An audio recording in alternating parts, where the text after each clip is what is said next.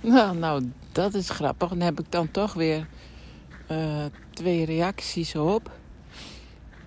Uh, want dat van dat elfje, dat hebben trouwens wel eens meer mensen tegen mij gezegd. Je bent soms net een elfje. Maar ik heb toen ik uh, voor het eerst mijn eigen praktijk begon, gezocht naar een naam. Toen dacht ik iets met mijn eigen naam dat ik dat wou doen. En toen ging ik kijken waar stamt Afke nou van af. En dat stamt af van elf. Dus, maar dan met een A, A-L-F. En er is ook zo'n serie geweest, toch? Elf. En dat was zo'n soort buitenaards wezen uh, type. En het is dus ook, elf betekent ook niet van deze aarde. Dat is toch komisch, hè? Dus uh, ja, wie weet zit er dan toch een elfje in mij.